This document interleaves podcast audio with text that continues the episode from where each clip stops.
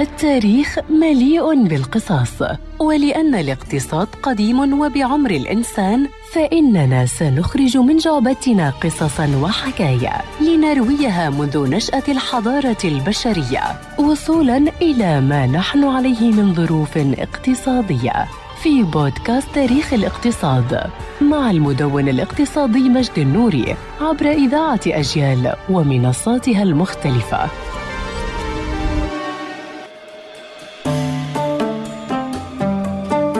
لا يحب اقتناء جهاز التفاحة بهاتف محمول بحاسوب باهظ الثمن أو بساعة فائقة الذكاء فعلا أو أي منتج يحمل شعار التفاحة ولكن هذه التفاحة المقضومة لم تكن كذلك في بدايتها. فقد كانت بدايتها بمثابة معاناة لصاحبها ومؤسسها الشاب الراحل ستيف جوبز حينما قام هو وصديقه وزنياك في فناء منزلهم بإنشاء شركة آبل عام 1976 بل إن بدايتها كانت حصرية لإنتاج الحواسيب الشخصية لتنافس شركة شركات عملاقة آنذاك بل ولتكون المنافس الشرس لشركة إنتل والتي اتهمتها بسرقة أفكارها خاصة نظام ويندوز ورغم انخفاض مبيعاتها وحصتها السوقية في الثمانينيات والتسعينيات إلا أن هذه الشركة يا أصدقائي كانت وما زالت تحمل في طياتها قصصا ملهمة. فستيف جوبز الذي تم طرده من الشركة عام 1985 عاد لينقذها عام 1997 فعاد للشركة بما يحمله من رؤية للمستقبل. المستقبل بشكل لم يسبقه إليه أحد فبدأ بإنتاج الأجهزة السابقة لعصرها وكانت البداية بجهاز آي ماك عام 1998 ثم لتبدأ الرحلة الحقيقية بين أعوام 2006 و2007